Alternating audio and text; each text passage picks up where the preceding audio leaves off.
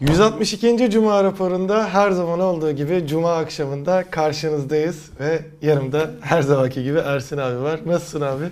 İyi demek mümkün mü bu şartlar altında? Yani iyimsi. İyimsi. okay. İyimtırak. Bu sabaha şeyle uyandık değil mi? Ee, çocuk isti- istismarı konusunda Türkiye Cumhuriyeti Devleti'nin aldığı yeni önlemlerle uyandık. Ve herhalde Türkiye'de yaşayan, sadece Türkiye'de yaşayan, dünyada yaşayan hiç kimseyi memnun etmeyecek olan önlemlerle uyandık. Ee, bulgu şart hale getirildi. Yani kanıt şart hale getirildi. Bir çocuk istismar edildiği zaman bir çocuğun istismar edildiğini söyleyebilmek için ortada delil olması gerekiyor. O da Benim- nasıl olacak? Benim bildiğim kadarıyla bundan önce çocuğun ebeveynleri ya da akrabaları böyle bir sorun var diye başvurdukları zaman konu araştırılıyordu.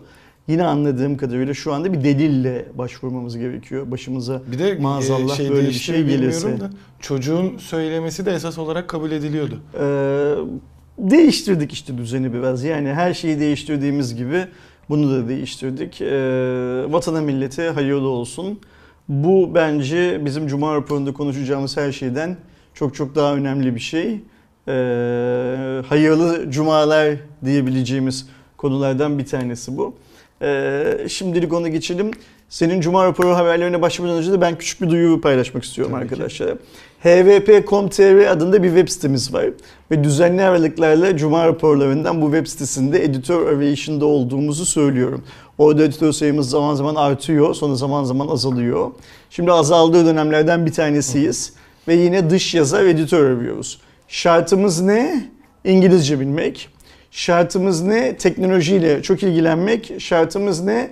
Türkçe dil bilgisi kurallarına hakim olmak ve mümkünse bundan önce makale yazmış olmak. Beklentimiz ne? Yabancı kaynakları tarayıp hvp.com.tr'ye yabancı kaynaklardan haber yazmasını bekliyoruz arkadaşlarımızın. Ve bu iş karşılığında da bir ödeme yapıyoruz. Evet. En çok sorulan soru ödeme yapıyor musunuz? Evet bir ödeme yapıyoruz. Hazır yaz mevsimi, e, okullar tatil vesaire vesaire. Eğer hvp.com.tr'de dış yazar olmak istiyorsanız arkadaşlar lütfen ersinet.hvp.com.tr mail adresine e, bir mail atın ve İngilizce seviyenizi, e, ne kadar bu işe zaman ayırabileceğinizi falan bana yazın. Varsa eski yazılarınız. E, aynen öyle. Eğer herhangi bir yerde yayınlanan, teknoloji olması şart değil, herhangi bir yerde yayınlanmış yazılarınız varsa onlardan bir iki örnek gönderin. Hızlıca şey yapalım. Çünkü hvp.com.tr'nin ben trafiğinden çok memnunum. E, hvp.com.tr'de yayınlanan haberlerin kalitesinden çok çok memnunum. Ama her zaman daha iyiyi aramak gerekiyor. O havuzu, dış yazar havuzumuzu ne kadar zengin tutarsak, ne kadar geniş tutarsak, ne kadar kalabalık tutarsak o kadar iyi şey alacağımızı, ne derler, e, geri dönüş alacağımızı düşünüyorum. O yüzden eğer aklınızda teknoloji editörü olmak, teknoloji haberleri yazmak, teknoloji editörü olmak doğru bir tabir değil. Aklınızda e, teknoloji haberleri yazmak gibi bir şey varsa, fikir varsa işte size fırsat. Lütfen benimle ersinetvp.com.tr adresinden kontak kurun diyorum ve OnePlus resmen Türkiye'de bugün haftanın en şey haberiyle ne derler önemli haberiyle e, konuya giriş yapıyoruz. Top sende. E, zaten kaç cuma raporudur işte geldi gelecek. Önümüzdeki ay geliyor şu ay geliyor. Bir buçuk yıldır biz bunu konuşuyorduk. Artık geldi diyebiliyoruz. E, resmi açıklamada çıktı. E, Dün yapıldı değil Evet, mi? dün gelen e, duyuruyla beraber e, artık zaten hani oluşumunun son demlerinde olduğunu biliyorduk. Şimdi tamamlanmış olduğu da duyuruldu. İlk cihaz olarak da satışa çıkan OnePlus Türkiye resmi garantili olarak OnePlus Nord oldu. Aynı zamanda şu anda OnePlus 9 ailesi de ön satışa çıktı. Fiyatlarına baktığımızda OnePlus Nord N10 modeli 4700 lira. E, OnePlus 9 11.500 lira. 9 Pro ise 14.500 lirayla e, tüketicilerle buluştu. Çünkü kötü bir dönemde OnePlus Türkiye'de pazara girdi. Yani kötü dönemden kastım e, dünyadaki bu üretim konusunda yaşanan sıkıntı nedeniyle. 2021 yılında cep telefonu sektöründe doğru düzgün bir şey görmemiş olmamız, doğru düzgün bir yenilik görmemiş olmamız nedeniyle şey yaptı. Zaten işte giriş cihazı da Nord. Nord yeni bir cihaz değil yani teorik olarak böyle bir marka herhangi bir pazara girdiği zaman yeni bir cihazla, yepyeni bir cihazla girmesi beklenir. Ama işte senin de söylediğin gibi çok gecikmişti. Bu yaklaşık bir yıldan beri girdi girecek, girdi girecek modunda olan Evet. bir şey olduğu için Bence artık yeni cihaz falan beklemediler ve e, girelim dediler. E, fiyatlar da ortada. Yani bu fiyatların e, üzerinde çok fazla konuşmaya gerek yok. Dönüp hep şeye baktığımız gibi bunda da aynısını yapacağız. Orijinal fiyat çarpı 1.9 bu ediyor mu? Bunun üstünde mi? Bunun altında mı Ee, bakacağız? yanlış hatırlamıyorsam OnePlus 9 lansmanında baktığımda e, tam 10-11 bandına denk geliyordu ama şeyden şeyi hatırlamıyorum. 9 için mi 9 Pro için mi denk geliyordu? Ondan e, şu anda emin değilim. Ama Şimdi şeye bakacağız işte OnePlus'ın çıkartacağı bundan sonraki ilk cihaza bakacağız. O cihaz dünyada lansmanı yapıldıktan ne kadar süre sonra Türkiye'de çıkacak ona bakacağız. Çünkü bu bir şey ne derler. Bir markanın Türkiye'de olmasının göstergelerinden bir tanesi bu. Hemen mi çıkartıyorsun yoksa 6 ay sonra mı çıkartıyorsun? Ve hangi fiyata çıkartıyorsun? Bir de bugünden sonra Türkiye'de e, OnePlus Türkiye garantili cihaz alan arkadaşların bize bildirecekleri teknik servis performansını duymaya çalışacağız. Ve OnePlus'ın Türkiye'de iyi bir iş yapıp yapmadığına öyle karar vereceğiz. Şu anda bebeği sektörün en yenisi. Başarılı olsun inşallah. Ee, dünyadaki şeyini ne derler marka bilinirliğini ve dünyada o marka bilinirliğine neden ulaştıysa neden ulaştı? Fiyat performans ürünleri çıkarttığı için ulaştı. Aynı şeyi e, fiyat gemi performans katiliydi. e, Türkiye'de de çıkartsın. Türkiye'de de fiyat performans şeyini korusun. Hmm, Ne derler özelliğini korusun. Biz de şey yapalım. O OnePlus iyi ki Türkiye'ye geldin ne de güzel ettin bilmem ne filan filan diyelim. E, bunlar fiyattan bağımsız söylüyorum. Güzel işler hepsi gelsin. Türkiye'de bilmediğimiz markalar da gelsin. Ne kadar rekabet o kadar iyi en Tabii ki. nihayetinde. Yani onu da zaten şeyde göreceğiz. Dediğin gibi artık OnePlus 10'da yeni Nord'lar çıktığında vesaire e, şey kısmını net bir şekilde görmüş olacağız. Çünkü şu andaki fiyatlar evet baktığımızda e, OnePlus algısına e, tam uygun olan şeyler değil. Yani Snapdragon 690'lı e, bir Nord'un 4700 lira olması yani kendi rakipleri hep 700 ailesinde falan olan. Ama e, bence tam araya konumlanacaktır. Şu andaki şeyi de görüyoruz. E, Oppo ailesinin ya da BBK grubunda diyelim. Açıklanan fiyatlar e, satışın başlarında hemen online satışlarda falan düşmeye Ve başladı. Renault 5'te de aynı şeyi gördük. Yani Renault 5'in fiyatı çok yüksekti. Evet. Birinci haftanın sonunda 500 lira falan düştü Evet. galiba fiyat. Sonra düşmeye devam etti. Ha düşüyor düşüyor çok ucuz oluyor mu? Hayır, Hayır, olmuyor. Yani şimdi Türk halkının kendi ekonomik e, sorunları yüzünden ucuz telefon beklentisi var. Bu beklenti bugünden sonra gerçekleşmeyecek. Bunu unutalım. Hmm, Türk halkının bu yerli üretimden de anladığım kadarıyla yanlış bir beklentisi vardı. Bu aynen daha önce internet fiyatları ucuzlayacak işte limitler kalkacak filan sanrısı Türk halkında oluşturulduğu gibi fabrikalar açılacak, fiyat ucuzlayacak diye bir şey vardı. Şu fabrikaların açılması biz 2000 lira segmentinde telefon bir süredir göremiyorduk. Hangi süredir göremiyorduk? İşte bu 150 dolar kanunu Çıktığından çıktığından, kararnamesi çıktığından beri. Şirket fabrikaların açılması o segmentin hayata geçmesini sağladı. Yani o segment bir anda hayatımızdan çıkmıştı bizim. Ya 3000 lira vereceksin ya telefon almayacaksın falan gibi, bir şey oldu. olmuştu. Biz şimdi tekrar 2000-3000 lira arasında cihazlar görmeye başladık. Fabrikaların rolü bu şu an için.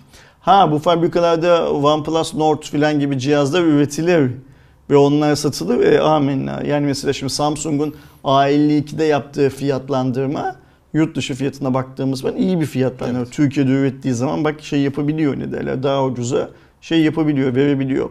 Keza her ne kadar benim anladığım kadarıyla arkadaşlarımız çok beğenmeseler bile Xiaomi'nin bir iki tane cihazının yani Türkiye'de ürettiği bir iki cihazının fiyatları eğer ithal etseydik o cihazları olacağının e, 300-400 lira falan altında gibi görünüyor. Böyle de bir şey. Yani bin lira daha ucuz telefon yok öyle bir şey şeydi. E, ne yazık ki bu vergi sistemi ona şey yapmıyor.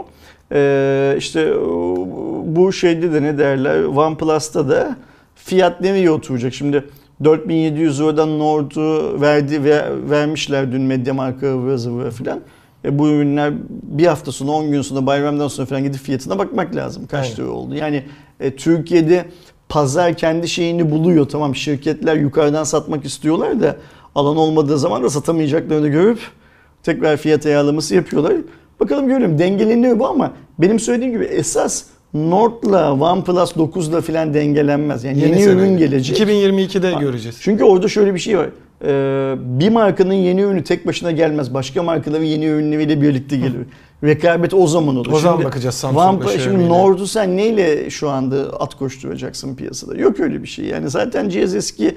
Bu yıl pazar sürünüyor. Hiçbir şey yok yenilik. Mesela e, ben dün öğrendim ki mesela e, anladığım kadarıyla 2021 yılı boyunca e, galiba OnePlus Türkiye'de biz Türkiye'deyiz demeyecek bile.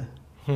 Çünkü şey ürün yok işte yani geldik ama yani nereye geldik hoş geldik modunda Evet. filanlar. Sadece pazara girmiş gibi bir şey oluyor. Pas, aynı öyle yani işte raflar açılıyor. Yani bunu öyle düşünmek lazım. Şimdi mesela OnePlus 10 çıktığı zaman girse işte o MediaMarkt'taki Teknosa'daki bilmem nedeki rafların açılması e, işte hepsi burada Amazon bilmem ne falan gibi yerlerle anlaşma yapılması falan bir zaman alacağı için şimdiden girmişler pazara kendilerini konumluyorlar.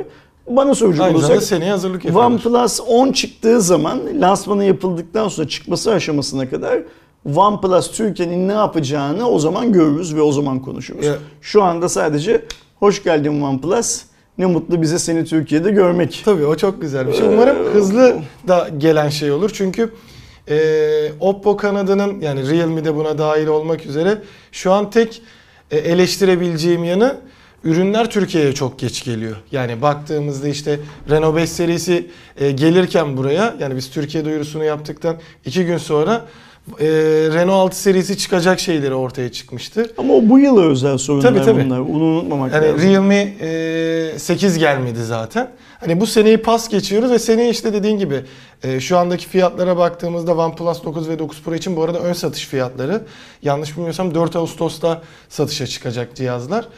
E, bu açıdan baktığımızda ya zaten hani yüksek işte rakipleri daha ucuz işte Xiaomi kanadı falan Samsung'u da burada dahil edebiliriz. Hatta Apple'ı bile dahil edebiliriz. Seneye artık yeni bir oyuncuyla beraber hem orta seviyede hem üst seviyede fiyatlar nasıl olacak? OnePlus kendini nasıl konumlandıracak? Bunların hepsini göreceğiz. Şeyi de göreceğiz. Ee, Oppo bu sene de üst seviyede işte pas geçmişti. Hani görünüşe göre şey diyorduk artık o üst e, seviyeyi kendi içlerinde OnePlus'a bırakacaklar gibi. Seneye mesela örnek veriyorum Find X4 gelecek mi? Ya da üst kademede Oppo grubunda e, bayrak OnePlus tarafında mı olacak? Bunu sen diyordun ben hiçbir zaman bu söylemine hak ben vermedim diyordum, evet. söyleyeyim yani. Ben bence hiç öyle işte üst segmenti o OnePlus'a bırakalım, alt segmenti Realme'ye bırakalım falan gibi bir şey yok. Ne der? Hepsi bu H3 marka Realme, Oppo, OnePlus bir süre sonra her segmentte birbirleriyle bile rekabet edecek hale Tabii, gelecekler onu görürsek bence. bizim için de daha iyi olur. Hem rekabet olur hem de seçenek artar. Diyelim yine geçen hafta konuştuğumuz e, tabii o zaman bir e, toplantıdan daha doğrusu Türkiye lansmanı denilebilecek bir şeyden bahsetmiştik. Şimdi de en azından e, teknoloji editörlerine, teknoloji yayıncılarına MatePad 11 Türkiye'deki ilk HarmonyOS'li cihazlar teslim edildi. Bizim de önümüzdeki hafta başında yani pazartesi salı günü e, videosu yayınlanır. Ben şu anda kullanmaya başladım. Aynı zamanda e, şeyden de tabii ki bahsedebiliriz. Biz de ayrıca zaten haberini de yaptık sitemizde. Ayrıca e, Sayın Alan Yao ve Huawei ekibiyle de biz de bir hem HarmonyOS üzerinde hem Türkiye'deki planları üzerinde bir konuşma yapmıştık. Resmen Türkiye'de girdi. Şu HarmonyOS'un açılı bu HarmonyOS dediğim HarmonyOS'lu MatePad 11'in kutu açılış videosu bizim kanalda var. Var. Biz normalde tabletler için kutu açılış videosu falan yayınlamıyoruz ama bunun için sadece HarmonyOS olduğu için bir hep beraber görelim diye. Ee, şimdi şey önemli burada yorumlara bakıyorum. İşte mesela iOS'un aynısı olmuş, Android'in aynısı olmuş filan gibi bir hikaye var. O biraz önceki cahillik mevzusu hep baki yani bir türlü şey yapamıyoruz. Ne derler üstesinden gelemiyoruz. Şimdi bunları şöyle düşünsek daha kolay işin içinden çıkarız. Her bir işletim sistemini bir insan gibi düşünsek. Her insanın iki kolu, iki ayağı, bir burnu, iki, İki kulağı, gözü. iki gözü, saçı vesaire filan var. Bu insanların iki kolu iki ayağı olduğu için ananı babana benzetmediğin gibi ya da babanı anana benzetmediğin gibi işte HarmonyOS'u da Android'e, HarmonyOS'u da iOS'a benzetmeyeceksin. Nasıl iOS'la Android'i birbirine benzetmiyorsan. Böyle bir hikaye var. Şeyde. Ee, o yüzden e, ona benziyor, buna benziyor demek şey temelde cahillik. Burada önemli olan şey şu en başından beri söylediğimiz. Dünyada kaç tane HarmonyOS'lu cihaz olacak? Esas kavga bu. Şu an Niye? 25 milyon oldu. neye benzediğinden öte. Esas kavga bu. Dünyada kaç tane Huawei dışındaki şirket HarmonyOS'lu cihazlar satmaya ikna olacak? E, Esas sorunlar Yani bunlar. Orada da HMD.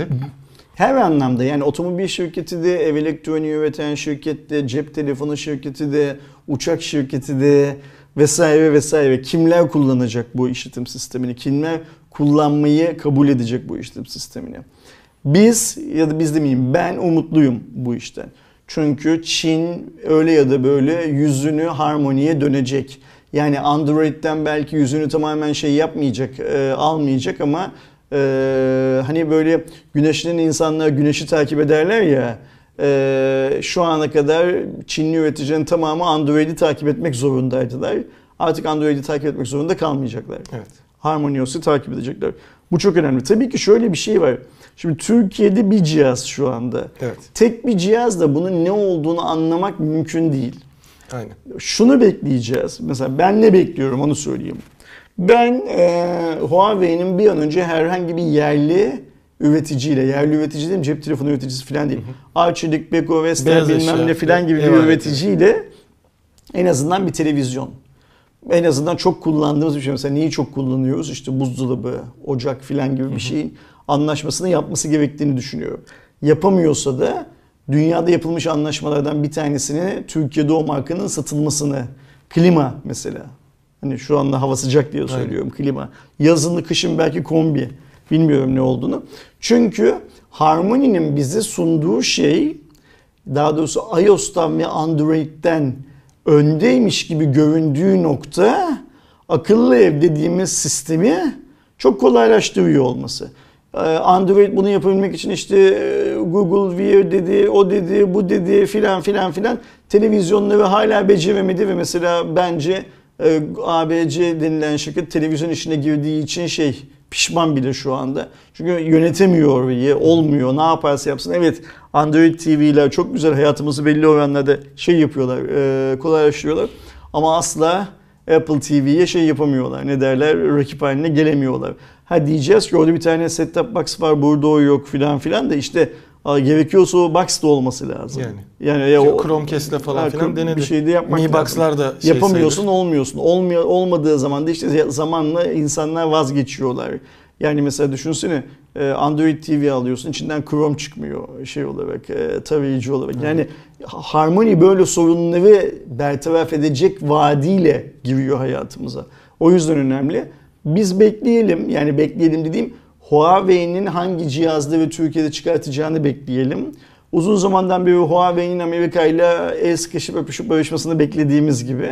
Ondan sonra da bu ekosistemin bize neler sunabileceğini bir daha değerlendirelim. Yoksa tek başına şöyle bir e, algı vardıysa ya arkadaşlarımızın kafasında bu algıyı ya yanlış yönlendirdiler kendilerini ya da birileri onları yanlış yönlendirdi. Yani Alaaddin'in sihirli lambası gibi e, tableti açacaksın, kenarına okşayacaksın, içinden cin çıkacak. Ve e, söyle bana ne istiyorsan yapayım diye. Öyle bir şey yok. Evet. Ee, öyle bir şey olmayacak. Yani ne harmoniyle olacak ne bundan sonraki başka işletim sistemleriyle olacak.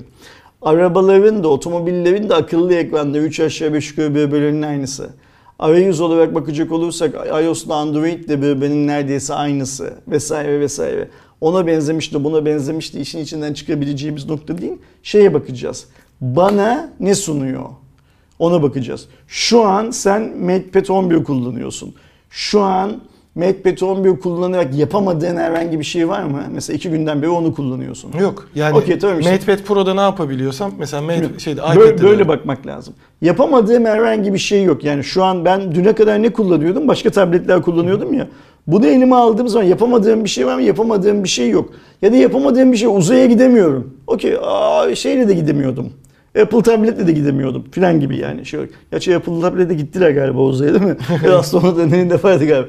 Ee, bundan sonrasında bana ne sunuyor ya bir de bakmak lazım. O yüzden biz Harmony'de şu anda bundan sonrasını bilmiyoruz. Benim anladığım kadarıyla Huawei yöneticileri de bu konuda sır vermeyecekler gibi görünüyor. Bak Nokia kendisi çıkıyor. eee, Harmony kullanacağım diyor. Huawei açıklama yapmıyor Nokia Harmony kullanacak diye. Aynen. Yani işler böyle biraz şey gidiyor. Bir de Amerika korkusu tabii ki hala var bir şekilde. Çünkü manyağın, manyaklar hala oradalar. Yani Biden değişti de bir ya manyak hala var şeyde. tarlasında böyle sakin sakin ilerliyorlar. O yüzden e, bekleyeceğiz, göreceğiz. Ben kendi adıma harmonioslu cihaz alır kullanırım, kullanmam, severim, sevmem. Bunların hepsini gelecekte şey yapacağımız şeyler, karar vereceğimiz şeyler. Ama bugün için hayatımıza yeni bir işletim sistemi girmesinden mutluyum. Kesinlikle. Benim için de öyle. Zaten hani şöyle bir ufak e, spoiler vereyim. E, zaten aslında Ersin abinin e, sorusuyla da o şey çıktı. Kullanımda bir farklılık hissetmiyorsunuz ama en azından mesela şu an benim çok daha akıcı bir tablet kullandığımı fark edebildim. Özellikle MatePad Pro'ya göre. MatePad Pro da gayet akıcıydı. Burada hem 120 Hz ekranın avantajı hem de Harmony'nin böyle rahat çalıştığını anlayabiliyorum ama ee, yine Ersin abinin dediği gibi ekosistemiyle zaten ön plana çıkan bir her cihazda çalışma prensibiyle olacağı için harmonili cihazları görmek lazım. Ee, anlaşılan o ki zaten Huawei Türkiye'de hani daha çok e, harmoni ekosistemindeki cihazı Türkiye'ye getirerek bunu yapmak istiyor. Geldiğinde de o dönemde rahatlıkla göreceğiz. Çünkü şu an o e, süper cihaz dediğimiz şeyi tek bir cihazda kullanabiliyoruz FreeBuds 4 ile. Ses geçişini yapamıyorum mesela. işte televizyon olsa mesela televizyona direkt ben televizyondan izlerken sesi hemen kulaklığa aktarabilecek miyim? Tablette izlediğim oradaki göründüğü gibi televizyona aktarabilecek miyim? Bu kolaylıkları da görmek lazım ama ilk aşamada bir sıkıntı yok. EMUI'ye benzeyen rahat bir kullanım sunduğunu da söyleyeyim. Detayları zaten hafta başında öğreneceksiniz. Tekrar Oppo'ya geldiğimizde de Oppo şu anda e, Çin tarafında kendi yeni görüntü işlemcisini ve daha sonrasında da kendi chipsetini e, Unisoc'tan destek alarak üretmek için başladı. Şimdi burada sen detayları verirsin de peş peşe iki tane önemli haberimiz var bence. Birincisi bu Oppo haberi. Bundan sonra yine döneceğiz tekrar bir Huawei'ye bakacağız. Hı hı. Orada da bir başka mevzu var. Her iki haberde de aynı şeyi söyleyeceğim. Bak şimdi ben e, Oppo'nun kendi görüntü işlemcisini geliştirme çabasını Trump denilen adamın Huawei'ye koyduğu yasaklara bağlıyorum. Sen eğer bu şirketleri bu kadar çok sıkıştırırsan bu adamlar zaten kendi işlemcilerini yapıyorlardı. Huawei'den bahsediyorum. Kendi işletim sistemlerini de yapmaya başladılar. Bak şimdi başka markalarda eğer bir gün Allah'ın bir manyağı da çıkar beni herhangi bir konuda yasaklarsa diye benim de bir e, yarı iletken sektörüne şey yapmam lazım. Çünkü sonuçta en büyük maliyet kalemlerimden bir tanesi bu. Benim yeni ürünü üretmemdeki en büyük zorlandığım noktadan bir tanesi bu diye buraya yatırım yapıyor. Şimdi Harmony'nin çıkması e, Amerika'nın zararına. Trump bunu göremedi. Niye? Dünyadaki Android şeyi yıkılıyor. E, tekeli yıkılıyor bir taraftaki. E, şirketlerin bu tarz yarı iletken girişimlerde bulunması, Çinli şirketlerin bu tarz yarı iletken girişimlerde bulunması hem Amerika'nın hem Kore'nin zararına. Çünkü şu an dünyada yarı iletken hikayesini her ne kadar Tayvan götürüyormuş gibi görünse de aslında esas pay bütün yarı iletken pazarına baktığımız zaman yani sadece cep telefonundan çıkartıp tüm yarı iletken pazarına baktığımız zaman Amerika ile Kore'nin elinde. Kore'de de Samsung işte Hı. Samsung dışında çok fazla bir şey yok. Ama Amerika işte AMD, Intel, Qualcomm vesaire vesaire falan bu anlamda çok şey çok zengin. Şimdi Oppo kendi görüntü işlemcisini geliştiriyor. Kendi görüntü işlemcisini geliştiren bir şirket için bir sonraki aşama ne olur Erdoğan? Komple chipset. Herhalde gidip kek yapmayı yani, öğrenecek değil, Xiaomi değil de mi? zaten kendi görüntü işlemcisini çıkarmıştı. Aynen öyle. Böyle o böyle. yüzden bunlar o deli dumrul Trump'ın Trump'ın en kibar haliyle Trump'ı deli dumrul olarak tanımlayabiliyoruz. Aslında Make America Great Again derken yani Amerika'yı tekrar muhteşem yapın derken, yapalım derken Amerika'yı nasıl geri dönülmez zararlar verdiğinin şeyi göstergesi bu. Amerika Trump daha doğrusu Çinlileri dürttü. Boşu boşuna dürttü. Hani böyle bir çubukla, kısa bir çubukla yılanı şey yapmak gibi. Yılanın sana e, saldırıp seni ısırabileceğini hesaplamadan yılanı dürtmek gibi yılanı dürttü. Ve hep en başından beri bu Huawei olayında söylüyorum ya. Çin'de Huawei, Lenovo, Oppo, Realme, OnePlus, Xiaomi falan yok.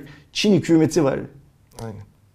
Ve bu Çin hükümeti bak işte Huawei ile bence bu tabii ki Huawei ile işletim sistemi, Oppo ile e, görüntü işleyici, bilmem ne ile bir şey, bilmem ne ile bir şeyleri falan yapıyor.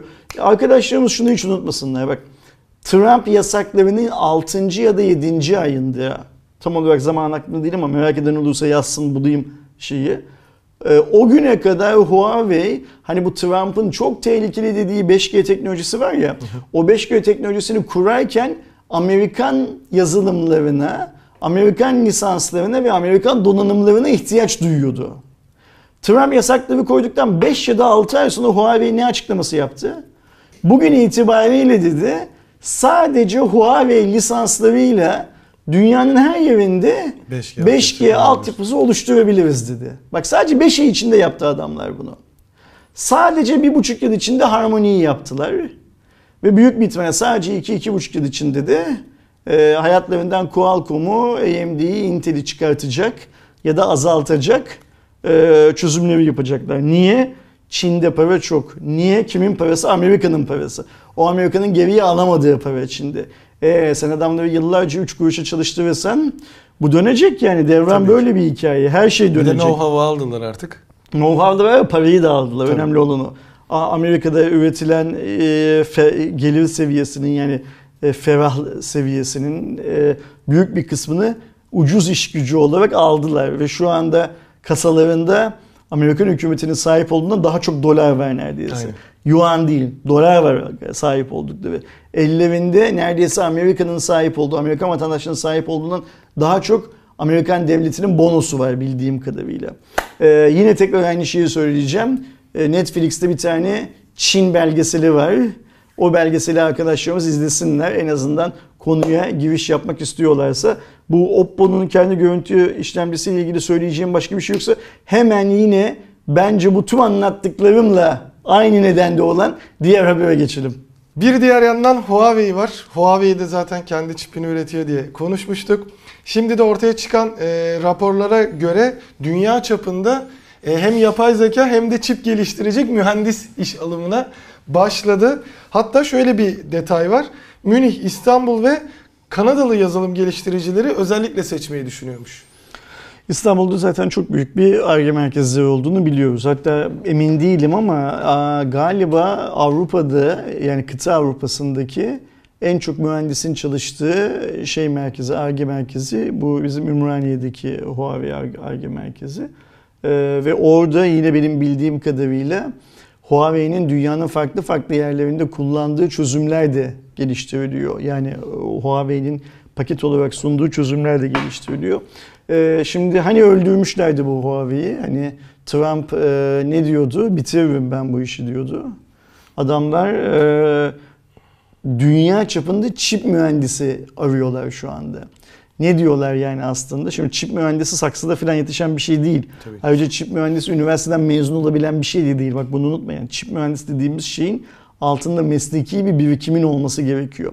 Hazır yetişmiş eleman arıyorlar. Yani deneyimli, bilgili ve kendini geçmişte yaptığı işlerle ispat etmiş gerçek anlamda vizyon sahibi adam arıyorlar. Ne diyorlar? Dünyanın neresinde yaşadığın önemsiz. Eğer bu işi iyi yaptığını düşünüyorsan ve bundan sonra şu an mutlaka zaten bu adamlar aradıkları adamlar şu an nerede çalışıyordur? Ben sana söyleyeyim.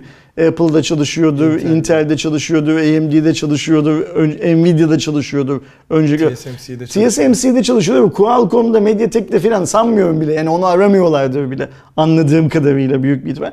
Bu 5-6 şirkette çalışan ya da NASA'da filan çalışan tarzında adamları arıyorlar. Ve diyorlar ki şu an çalıştığı yerden memnun değilsen ya da kendine e, iyi bir vizyon seçemi, seçemediğini düşünüyorsan gel bundan sonra Huawei'de çalış diyorlar. Yani bu Aydoğan hem insan kaynakları anlamında e, hem çünkü bak şeyi düşün. E, Nvidia'dan alacağın adamı ucuza alamazsın. Yani. Nvidia'da 10 lira maaş kazanan adamı sen 11 liraya Huawei'yi alamazsın. 20 liraya da alamazsın. Keza NASA'da çalışan herifi alamazsın öyle kolay kolay. Ve normalde bu işler gizli kapaklı falan yapılırken çünkü teknolojik casusluğu bilmem ne falan bu işin içine 50 bin tane şey giriyor. Bizim o filmlerde izlediğimiz hikayeler giriyor aslında. Adamlar açık açık duyuru yapıyorlar. Zaten çeşitli şeylerine de baktığımızda, e, boş pozisyonlarına baktığımızda e, yapay zeka algoritmaları, otonom süreç, e, yazılım ve bilgi işlem gibi farklı şeyler de var. Zaten hani şey söylentisini hep duyuyorduk. Zaten kısmen de yaptı farklı bir markayla. Kendi otomobilini de bu akıllı arabalarını da üretmek istiyor. E, otonom sürüşü falan yapay zeka algoritmalarını da gördüğümüzde yani e, zaten dönüştü de gerçekten böyle birçok e, dalı olan ya da teknoloji denildiğinde karşılığı olabilecek bir marka olmaya çalışıyor Huawei ve bunu zaten tabii ki her teknoloji şirketinin olduğu gibi bir şeyi varken ne derler ona e, kendi hedefi varken e, bildiğin e, Trump'ın ve Amerikan hükümetinin yaptığı ilk hedefiniz Akdeniz'dir gibi oldu ve direkt orada kendilerine bir şey buldular. Şu anda da gitgide büyümeye devam ediyorlar. Vietnam Savaşı'nda hani Uncle Sam Wants You hikayesi vardır ya. Huawei'de şimdi gel ne olursan ol yine gel. Mevlana modunda Huawei'de. Bak şimdi bu işte e, beyin transferleri bilmem neler filan filan. Para neredeyse geçmişte yani geçmiş dediğim yüzyıllar önce düşünelim. Para neredeyse sanat orada olmuştur. Para neredeyse ticaret orada olmuştur. Yani e, bunlar e, biraz parayla çoğunlukla demokrasiyle alakalı işler. Şimdi Çin dünyanın en demokrat ülkesi değil. Ama şu anda Çin dünyanın bu tarz işlere en çok yatırım yapan ülkesi. Bunu unutmamak lazım. Ve bak bu duyurudaki şey bence çok önemli. Hani sizi Çin'e, Çin'de çalışmak zorunda bırakmıyor. Yani bu ne demek biliyor musun? Sen Amerikan demokrasisini, Amerikan hayalini Amerika'da oturduğun yerde yaşayabilirsin. Bunu söylüyor kafası çalışan adamlara. Sen diyor Amerika'da yaşamaya, Londra'da yaşamaya, Brüksel'de, İstanbul'da, şurada burada yaşamaya devam et orada yaşamaktan memnunsan. Ama biz diyor senin Huawei olarak kafatasının içindekilere talibiz ve daha çok para vermeye de hazırız diyor. Bunun sinyalini çekiyor. Şimdi bu iş tabii ki burada kalmayacak. Bu iş büyüyecek ve biz önümüzdeki günlerde neler neler duyacağız, neler neler göreceğiz kısmetse e, Biden'ın işi zorlaşıyor. Yani Biden e, dışarıdan bakıldığı zaman Huawei'ye bir izin verecek modda ya. Bak Huawei o izni söke söke almanın yollarını kendi kendine inşa ediyor. Patikalar örüyor Amerikan hükümetinin etrafına, tuzaklar Ağ- kuruyor. Aynen öyle yani zorluyor şu anda. Sadece Amerikan hükümetini bak mesela biz şeyi de göreceğiz büyük ihtimalle. Bu İngiltere'den zorla sökülen, İngiltere meclisi sökülmesine gerek yok diye karar vermesine rağmen Amerika'nın Trump'ın zoruyla sökülen 5G modülleri var ya işte rivayet o ki Vodafone'un oradan söktüğü modüller Türkiye'ye gelecekti. Türkiye'de kullanılsın diye bilmiyoruz gelip gelmedi. O modüller de tekrar bak görürsün bir süre sonra İngiltere'ye tekrar şey yapılacak, konuşlandırılacak. Yani bu belki davullu zurnalı bir şeyle olacak, şu törenle olacak. Belki de bir yıl iki yıl sonra e, Vodafone İngiltere'de Voda- e, şey e, Huawei altyapısını kullanıyor diye satır arasında bir tane şeyle duyacağız bunu. Ama bunların hepsi rövanşlar alınacak yani. Hani kendi sahasında farklı galibiyet bekliyor Huawei anladığım kadarıyla. Sahalarını kuruyor şimdi Aynen. çip sahası, akıllı bilmem ne sahası, akıllı otomobil sahası, ıvır zıvır filan filan diye ve birçok Amerikalı şirketi kucağa alacaklar öyle görünüyor.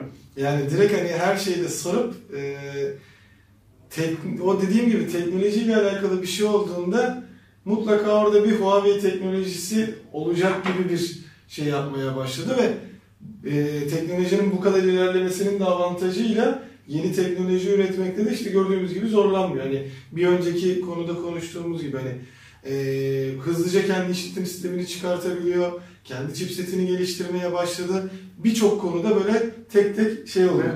Var. Amerikalı kapitalistler Trump'ı hiç de hayırla almayacaklar Trump öldükten sonra. Ona eminiz. Yani bir sonraki kuşak Amerikalı iş adamları, daha doğrusu bir sonraki kuşak Amerika'nın en zenginleri Trump'ı e, öyle anacaklar ki Trump böyle dönmekten şiş kebaba dönecek şeyinde e, mezarında büyük bir ihtimalle. İleride belki Türkiye'deki işte e, Üsküdar'daki ama Ümraniye'deki onların merkezlerini de komple Trump tavrıdır.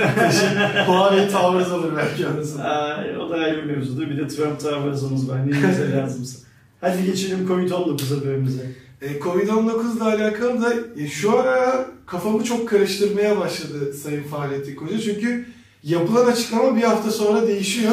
Bu tarihlerde de değişiklik vardı. Şimdi de e, geçen hafta ya da ondan önceki hafta da olabilir ama geçtiğimiz hafta diye aklımda kalmış. Öyle not almışım buraya. E, Covid-19 geçirenlerin de bir doz aşı yapılabileceği söylenmişti. Biz bunu da konuşmuştuk. Şimdi onun da iki dozları çıktı. Orada biraz daha Ama bir doz yapılacakları söylenmiş, söylendiğinden önce de iki doz yapılıyordu zaten. Bunu da Eskiden öyleydi. Yani Sonra bire indirdiler. Sonra tekrar iki oldu. Oradaki sebep de yani e, Fahrettin Koca'nın e, bahsi geçen şeyde de galiba aşı kartı muhabbeti e, şeydi. Çünkü yani bir doz eksik olarak kabul edilme durumundan dolayı e, ikinci dozu da alsınlar olayı olmuş gibi hissettiriyor. Yani onu tam böyle şey yapamadım. ben çok zamandır Fahrettin Bey'in söylediği şeyleri çok umursamayan bir insan olarak bu söylediğini de çok umursamıyorum. Yani bunu da anlatmıştım daha önce. Ayrıca Sayın Bakan'ın bu geçen hafta yaptığı varyant 3 ilde var. Bir tanesi İstanbul, Ankara değil. Diğer ikisini söylemem açıklaması da var mı burada? Var var. Aşağıda vardı. Zaten onu da ekleyelim. Okey, özür dilerim. yapıyoruz. Olduğunu bilmiyordum. Şey mesela o açıklamayı da yani ne bir bilim adamına, ne bir siyasetçiye, ne de bizim mahalledeki bakkal Mahmut Efendi'ye hiç kimseye yakıştıramıyorum. Yani hani böyle bir açıklama olabilir mi? Var yani Türkiye'de 3 tane şehirde var. İstanbul birincisi. Ankara'da Ankara yok. değil. Diğer ikisini de söylemem. Hadi bakalım hangisi? Bu arada Delta Plus şeyle sorumlu yöneticilik, sorumlu siyasetçilik, sorumlu iş yapma antı, ma- mantığı, ahlakı, etiği diye bir şey var dünyada. Yani senin bununla uyumak için illa bakan olman, profesör olman, doktor olman gerekmiyor. Ee, her seviyedeki insanın kendi yaptığı işe karşı saygısı, muhataplarına karşı saygısının olması gerekiyor. Mesela şu açıklama her şeyden önce e, Türk halkına karşı saygılı bir açıklama değil bu yapılan, yaptığı açıklama Sayın Bakan'ın. Ya daha önceki şey muhabbetine ben birazcık benzetiyorum. Ee, sayıların işte hasta sayısı, vaka sayısı farklı şeyi gibi. Ama bu isimlendirmeler de tabii ki tıbbi açıdan da şeye dönmeye başladı şimdi teknolojiye ilgisi olunca. Ben şey diye isim geliyor Delta Delta Plus falan filan diye geçince ben Delta Ultra ya da Delta Pro Max'i falan bekliyorum gibi bir durum oluyor. Ama tabii ki dikkatli olmak lazım. Yani işin ayrı tarafı normal Delta dediğimiz varyantta da Türkiye'deki sayı gitgide artıyor. En son bilgilere göre 248'lere kadar çıkmış. Ee, ilde de 3, 30 farklı il olmaya başladı. E, bu süreçte işte hep aşılanmanın önemi var. Tabii ki hani aşılandığınızda ol, geçirmeme durumu diye bir şey yok. Normalde de öyle. E, varyantlarda da tabii ki ihtimal artıyor. Ama korunmak için önemli olduğunun da altını çizelim. Bizim Sübhaneke Mübhaneke diyen bir bakanımız bir birisi vardı değil mi geçmişti böyle. Ben de şimdi deltayı melteyi boş verin diyeyim yani onun söylediği ağızla şey yapayım konuşayım. Şu an Türkiye'de ikinci doz aşı olan insan sayısı şu an itibariyle 16 milyon 623 bin. Güzel rakam daha onundayız Temmuz'un. Hedefimiz ne? Benim kendi hedefim 40 milyonun üstü. Ee, Temmuz ayının sonuna kadar. Türkiye'nin de en az 35-40 milyon arasında ikinci dozu olmuş insan sayısına ulaşması gerekiyor. Birinci doz uygulanan insan sayısı da 37 milyon tek başına. Yani önümüzdeki 24 bin içinde ya da 28 bin içinde ya da bir ay diyelim önümüzdeki bir ay içerisinde ikinci doz aşı olabilecek insanlardan bahsediyoruz. O 37 milyonla bu hali hazırdaki 16 milyon mutlaka 40 milyon rakamına şey yapacaktır. Ha bu rakam niye önemli? Aşılandığımız zaman bu virüsün adı delta olsun, melta olsun diyelim yine o saygıdeğer beyefendinin kulakları çınlasın diye. Şurada da bir, bir kadehim olsa daha güzel olurdu. Şey, e, bu virüsün en tehlikeli yanlarından birisi bulaşma hızı. İkinci tehlikeli yanlarından birisi de uzun kuluçka dönemi aslında. Yani insanlık tarihinin, insanlığın geldiği medeniyet noktasının bu virüsle başa çıkamamasının iki temel nedeni bu aslında. Eğer biz 40 milyon seviyesindeki virüs şey aşılanma insan sayısına ulaşabilirsek bulaşma hızını, varyantın bulaşma hızını yani delta'nın bulaşma hızını e, yavaşlatacağız. Bulaşma hızı yavaşladığı zaman da otomatik olarak kuluçka süresinin uzun olması bizi çok fazla etkilemez hale gelecek. Çünkü normalde e, bir ortamda 10 kişiye bulaşabilecek virüs bir kişiye bulaşırsa tehlike onda bir oranında olacak. O yüzden bence Türkiye'nin Sayın Bakan nasıl düşünüyor bilmiyorum. Bilim kurulu nasıl düşünüyor bilmiyorum. E, hükümetimiz nasıl düşünüyor bilmiyorum ama Türkiye'nin şu anda önündeki en büyük sorun varyantlar şunlar bunlar filan değil. Türkiye'nin önündeki en büyük sorun biz, biz aşı olmayız diyenler, aşı Aşı randevusu alıp e, aşı randevusuna gitmeyenler, hatta kasıtlı olarak aşı randevusu alıp gitmeyenler e, ve birinci dozu olduktan sonra ikinci doz olma zamanında ve gelmesine rağmen hükümet onlara ücretsiz aa, dünyanın diğer ülkelerinde parayla yapıldığı söylenilen aşıyı ücretsiz yapma teklifinde bulunmasına rağmen ikinci dozu olmayan insanlar. Şu an Türkiye'deki en büyük risk biziz yani şey anlamında. Aşımızı olmamız gerekiyor. Aşıyı olursak eğer bunun varyantları çıkmaya çıkmayacak mı? Çıkacak bilmiyoruz zaten çıkıyor işte. Daha tehlikeli olabilir mi? E, olabilir bilmiyoruz. Bu vurulduğumuz aşı 15-20 yıl sonra bize başka bir sağlık sorunuyla geriye dönebilir mi? Dönebilir bilmiyoruz. Bizim bugün derdimiz yarın ölmemek. Bu iş bu kadar basit. Bugünkü dert yarın ölmemek. Sen ölürken çoluğunu, çocuğunu, ananı, babanı da hastalık bulaştırıp öldürmemen. Bugünkü sorun o. Sen e, bindiğin bütün otobüsteki insanları hasta etmemen. Filan filan. Dert bu. O yüzden bireysel olarak yapacağımız tek şey işte Sayın Bakan birisi İstanbul değil, birisi İstanbul'da, biri Ankara değil, diğer ikisinde neresi olduğunu söylemem filan gibi edebi anlamda çok güzel söylemlerde bulunsa da bence Türk halkının yapması gereken şey bunları kulağını kapatıp paşa paşa gidip aşısını olmak.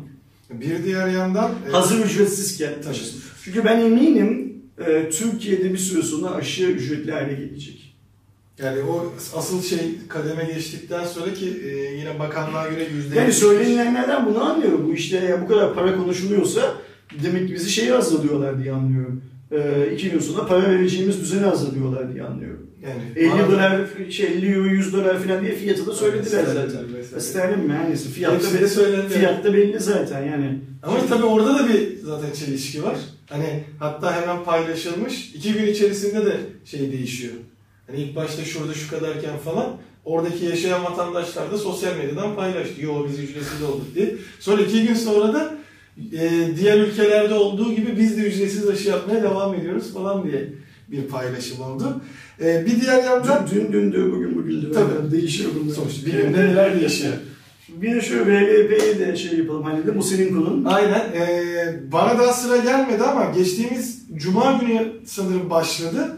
İstanbul, Kocaeli ve Ankara'da bir diğer yerli aşı olan VLP aşısının da aşılanmalı başladı. Ama ben de şunu demeye başladım. Şu anda işte bayram tatili geliyor. Ben de işte memleketime gideceğim vesaire. Bu süreçte fazla aşısız kalmamak için e, artık şey demeye başladım. Ben Aydın'a gidene kadar çağırırlarsa zaten dedim gönüllüyüm diye seve seve olurum. Ee, şeye gittikten sonra e, orada artık ben işte Biontech için Aydın'da bir randevu olup ya da Kuşadası. Bayramda randevular devam edecek mi acaba? Edecek sanırım. Okey tamam. Yani direkt hani şeye çünkü baktığımda mesela 19'una falan bakabiliyordum. Hani bayram için bayram birinci gününde bile görünüyordu. Ee, o yüzden gittiğimde orada artık Biontech olurum diye düşünüyorum. Bekliyorum ama şu anda en azından e, faz 2 çalışması başlamış oldu. Dünya seninle gurur duymaya devam edecek arkadaşlar. Yani sen Biontech'te olsan bu sabrın ve bu anlayışın yüzünden e, şeye verdiğin VLP denemelerine verdiğin bu destek yüzünden dünya seninle gurur duymaya devam edecek. Çünkü şey olmaya başlıyor. Oradaki şartlardan biri tekrar hatırlatalım düşünenler varsa. Çünkü bana sonradan gördüm. Ee, Instagram'dan, Twitter'dan e, DM yoluyla abi ben de istiyorum hani e, nedir bu falan şartları nelerdir diye soranlar da e, artmış. E, buradaki şartlardan biri sizin Covid geçirmemeniz, aşı olmamanız. Yani aslında e, sonuçta aşının ne kadar antikor ürettiğini görmeleri gerektiği için sizin antikor üretmemiş olmanız gerekiyor. Gittiğinizde zaten anladığım kadarıyla orada birçok kan testi falan da yapıyorlar ki farkında olmadan geçirmiş olma ihtimaliniz de olduğu için e, antikor var mı yok mu diye e, kontrol edecekler. Eğer varsa zaten e, olamıyorsunuz. Yoksa ilk teste çağırıp bir gün sonrasında da aşıya çağırıyorlarmış. Çağrılırsam dediğim gibi, gerçi artık iki gün bir şey kaldı, iki üç gün kaldı önümüzde. Önümüzdeki hafta için çağrılırsam olacağım. E, olmazsa dediğim gibi çünkü benim kendi aşı sıram geldiğinden beri istemsizce kendimi de rahatsız hissetmeye başlıyorum. Ee, olabilecek da olmamaktan kaynaklı geçirebilme, başka insanlara e, aktarabilme korkusuyla. O yüzden bakalım ama siz de düşünüyorsanız e, zaten birçok site var. E, onlardan TÜBİTAK sitesi var, TÜBİTAK sitesi. Ankara'daki onkoloji e, hastanesinin de sitesi var. Oradan başvuruları yapıp eğer gönüllüyseniz bu e, kervana katılabilirsiniz. Deyip yine e, galiba bu ilk başladığında muhabbeti çok dönmüştü. Biz de Ee, ayrıca Cuma raporunda bunu konuşmuştuk. Böyle böyle bir deney başlıyor diye. Ee, anlatsana bize deneyi İzlanda'da. İzlanda'daki biliyorsunuz zaten, zaten çok da konuşuldu hemen deney olumlu geçti diye. 4 güne indirme e, bir çalışması vardı yani. 4 gün çalışması 40 saate denk geliyordu. Yok 40 saatten 35-36 saate de haftalık inecek şekilde toplamda 4 günlük bir çalışma periyodunda e, verimlilik ve iş akışı nasıl olacağına dair bir e, şey yapılmıştı. E, Sürdürülebilir Demokrasi Derneği'nin İzlanda'daki yaptığı açıklamaya göre e, herhangi bir verimlilikte düşüş olmadığı, çalışanlarda da mutluluk e, ve iyi ve enerji hissetme seviyesinin arttığı gözlemlenmiş. Yani o işte tüm dünyada kurulu olan 5 gün çalışalım 2 gün tatil yapalım düzenini bozula, bozulamayacağı konusunda İzlanda bundan 4 yıl önce bir test başlattı. Bazı denekler haftada 5 gün, bazı denekler haftada 4 gün çalışmaya e, koşullandırıldılar. ve Koşullandırıldı. Bu imkan verildi. Ve 4 gün çalışanların, 4 yıl sürdü bu deney.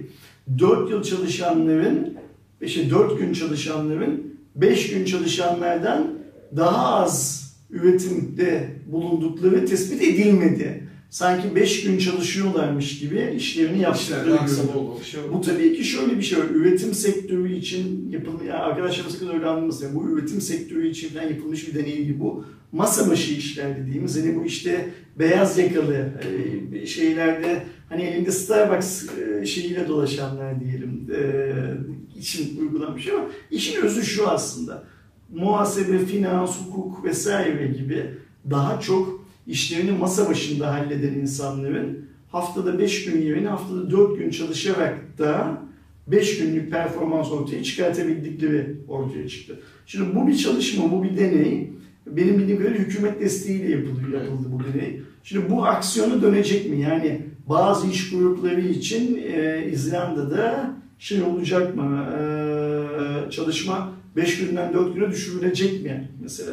Biz Avrupa'da geçmişti, Avrupa'daki bazı ülkelerde geçmişti. Öğlen tatillerinin e, çalışana bırakıldığı, yani çalışanın kaç saat tatil yapacağını kendisinin karar verdiği ve ona göre de işin bitiş saatini kendisinin ayarlayabildiği modellerin zaten çok başarıyla uygulandığını gördük. Yani şu an Almanya'da filan filan bu birçok sektörde yapılıyor. Sen istiyorsan yarım saat, istiyorsan bir saat öğlen tatiline çıkıyorsun. Ona göre de mesai saati Ya da çıkmıyorsun. ya da çıkmıyorsun. Mesai saati ona göre bitiyor bilmem ne filan filan gibi. Ee, şeyden bahsetmiyoruz onu anlamasın arkadaşlar. Uzaktan çalışma, home office'ten filan bahsetmiyoruz. Fiilen işe gelip giden insanlardan bahsediyoruz. Ee, inşallah e, İzlanda hükümeti bu 5 günlük sürenin 4'e indirilmesi konusunda bir adım atar. Tüm dünyaya pozitif örnek olur. Bence 4 gün çalışıp 3 gün tatil yapmak ideal bir oran. 2 gün yetmiyor çünkü. Evet. Hatta onu mesela iki e, çalışma, bir boşluk, iki çalışma, bir boşluk şeklinde falan bile olabilir. Bu da Laz haklı. o İzlanda. Dört günü de ikiye bölmek bence. Ama o zaman da sürdürülebilir. bir şey. İzlandalıların yaptığı bilimsel çalışma bu Aydoğan'ın yaptığı e, Aydın'da büyüyen Laz'ın aklı bu da. Ben İzlanda'nın şeydeyim işte, e, kuzeyinden. Gelelim bir diğer güncel e, Türkiye'de yaşanan garip de denilebilecek bir soruna. Özellikle Akbank kullananlar zaten bunu fazlasıyla hissetti. Akbank sistemi e, 48 saat boyunca düzelmedi ve ilk 24 saatte e, Akbank'tan da böyle bir açıklama geldi. Herhangi bir şey girmedi. Hatta Anonymous'tan işte e, hacklenebileceği ve daha önce de hacklendiğine dair e, açıklamalar falan gelmişti. Daha sonrasında da e, hizmetimizdeki kesintileri gidermek için yoğun çalışmalarımız teknoloji e, iş ortaklarımızla beraber aralıksız sürdürüyoruz. Önümüzdeki saatlerde kademeli olarak sistemi devreye almayı planlıyoruz gibi açıklamalar geldi. Bu süreçte de yani bu 48 saatlik kullanılamayan süreçte de son ödeme tarihi, kredi kartınızdaki son ödeme tarihi buna denk geliyorsa ileriye alındı. Herhangi bir cezai işlem olmayacak. Kredi vadelerinde de e, öyle bir şey olmuş. Bunun gibi de bir kolaylık sağlamışlar.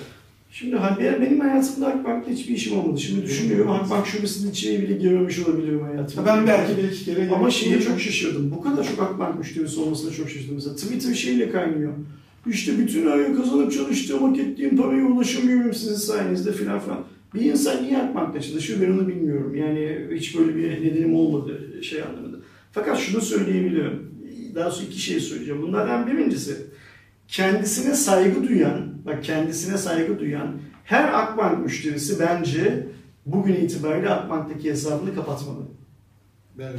Ben eğer Akbank müşterisi olsaydım bugün itibariyle gider Akbank'la tüm ilişkimi keserim. Niye biliyor musun? Böyle bir sorun konusunda yetkililerin hiçbir tatmin edici açıklama yapmamış olmalarından dolayı şey yapardım. Şimdi bunu tabii ki kimse yapmayacak Türkiye'de. Bu ayrı mevzu. Çünkü biz Türk halkı olarak bu tarz şeyleri ne yapabiliriz, ne organize edebiliriz, ne de yapılmasına izin veririz zaten. O ayrı mevzu. O yüzden de Akbank filan gibi şeylerin, ne derler, şirketlerin sahipleri, yani bunu şeyi de ekleyelim, yemek, yemek sepetinin sahibini de ekleyelim. İşte yanında bir tane e, özgür ve bağımsız gazeteci düşmanı çalıştıran Getir'in sahiplerini, bir taksinin sahiplerini de ekleyelim. Ondan sonra BTC Türk'ün sahiplerini de ekleyelim. Çok büyük veri hırsızlıkları bilmem neler filan filan sonrasında da Instagram'da şurada burada ah ne güzel bir gün, çok güzel kahvaltı yaptık, dostlarla birlikteyiz, kahve keyfi, ıvır zıvır filan gibi paylaşımlar yapmaya devam ederler. Hiç bu sorunları görmezden gelirler. Bu Türkiye'nin şeyi. Ama mesela Akbank eğer bir Hong Kong şirketi olsaydı, İngiliz, Alman şirketi olsaydı bunlar olmazdı tabii ki. Keza şey de, e, Getir de bir yabancı şirket olsaydı, e, Yemek Sepeti de, BTC Türk de bir yabancı şirket olsaydı bu işlerin üzerleri böyle kapatılmazdı. Yani e, veriler çalıştık, çalındıktan 3 gün sonra şirketin sahibi işte bilmem ne Hollywood starıyla birlikte kahve içtiğinin fotoğrafını Twitter'dan, Instagram'dan e, takipçileriyle paylaşıp babayla da sohbet ediyoruz filan demezdi.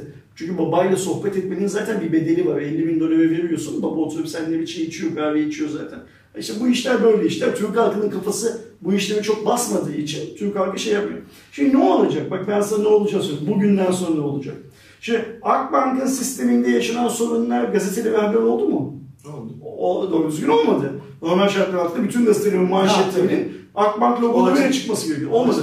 Televizyonlarda çok büyük haber oldu mu? Olmadı. Tartışma programlarında falan konuşuyor. Tartışma, bunu konuşacak adam yok Türkiye'de zaten. Onlar otursunlar sürekli işte şeyi konuşsunlar, başka hikayeleri konuşsunlar. Türkiye'deki televizyoncular çünkü sadece başka hikayeleri konuşmak üzerine kurulmuştur. Şimdi bir 10 gün 20 gün filan hiçbir şey olmayacak Aydoğan Türkiye'de hiçbir şey olmayacak. Sonra yavaş yavaş Akbank'ın IT departmanındaki herkes değiştirilecek. Bunu Akbank'ın bunu Akbank'ın şeyi e, IT'den sorumlu ya da o işlerden sorumlu genel müdür yardımcıları bilmem neleri filan da dahil. Tüm değişim yapılırken insan kaynakları anlamındaki tüm değişim yapılırken orada sorunu çözenler de işten çıkartılacaklar. Yani o da o şey. Önleyemedikleri için falan şeyiyle. Tüm değişim yapılırken Akbank bir anda televizyonlarda filan bu televizyonlar sustuğu için, gazeteler sustuğu için sus payı olarak en güzel krediyi biz veriyoruz. Kredi verdiğimiz müşterilerimizin yanaklarından da öpüyoruz geldikleri zaman şubeye. Filan filan gibi reklamlar yayınlamaya başlayacak Akbank. Sonra Akbank'ın böyle bir yeni bir genel müdürü, CEO'su filan gibi birisiyle ilgili işte hani bu iş de yayınları var ya dergiler mergiler filan böyle hani büyük etkinlikler yapan beyaz gömlekli kravatlı abilerin kapak olduğu dergilerde filan ya Akbank'ın yeni bilmem nesi Aydoğan Aykanat'ta ne kadar merhametli bir insan filan diye böyle haberler yapılmaya başlanacak. İş böyle kapanacak gidecek. Medya sustuğu için sustuğunun karşılığını reklam olarak alacak. Bu işe sebep olan, bu işe sebep olmaktan öte bu işleri çözenlerin hepsi kendilerine yeni işler bulacaklar. Önümüzdeki 3 yıl 4 yıl içinde olacak olan iş bu. Başka bir şey değil. Ve hiçbir Akbank müşterisi sorunun nereden kaynaklandığını bilmeyecek. Bu sorun sırasında kendi kişisel verileri herhangi bir şekilde zarar gördü mü bunu bilmeyecek. Ve Akbank şöyle başarılı hikayeleri anlatacaklar. Diyecekler ki biz belli bir süre kredi kartlarından faizden işletmedik. Kredi ödemelerinde bilmem ne yapmadık. Filan filan gibi böyle güzel yazılmış e, sitcom türü şeylerle senaryolarla işte yapılması gereken şeyi en başta söyledim. Kendisine saygı duyan her Akbank müşterisi tıpkı nasıl daha önce kendisine saygı duyan her yemek sepeti müşterisinin, her e, BTC Türk müşterisinin, her e, getir müşterisinin o kurumlarla şeyini e, ilişkisini sonlandırmasını gerektiğini söylediğim gibi e, kendisine saygı duyan her Akbank müşterisinin de Akbank'la ilişkisini son, sonlandırması gerekiyor. İş bu kadar basit. Yapılması gereken şey bu. Şirketin ne yapması gerektiğini ise şirket yöneticileri çok çok iyi biliyorlar ama yapamazlar. Hiç kimse kendi ipini çekemez. Bakalım şeyi nasıl çıkacak hani e, sorun komple düzeldiğinde ne diyecekler? Hani açıkçası sistemde yaşanan sıkıntı da o sıkıntı neydi? Saldırı mı oldu? İşte Anlaşılan hiçbir şey demeyecekler Erdoğan işte. Hadi devam edelim. Sıradaki haberimiz de yine Xiaomi kanadından.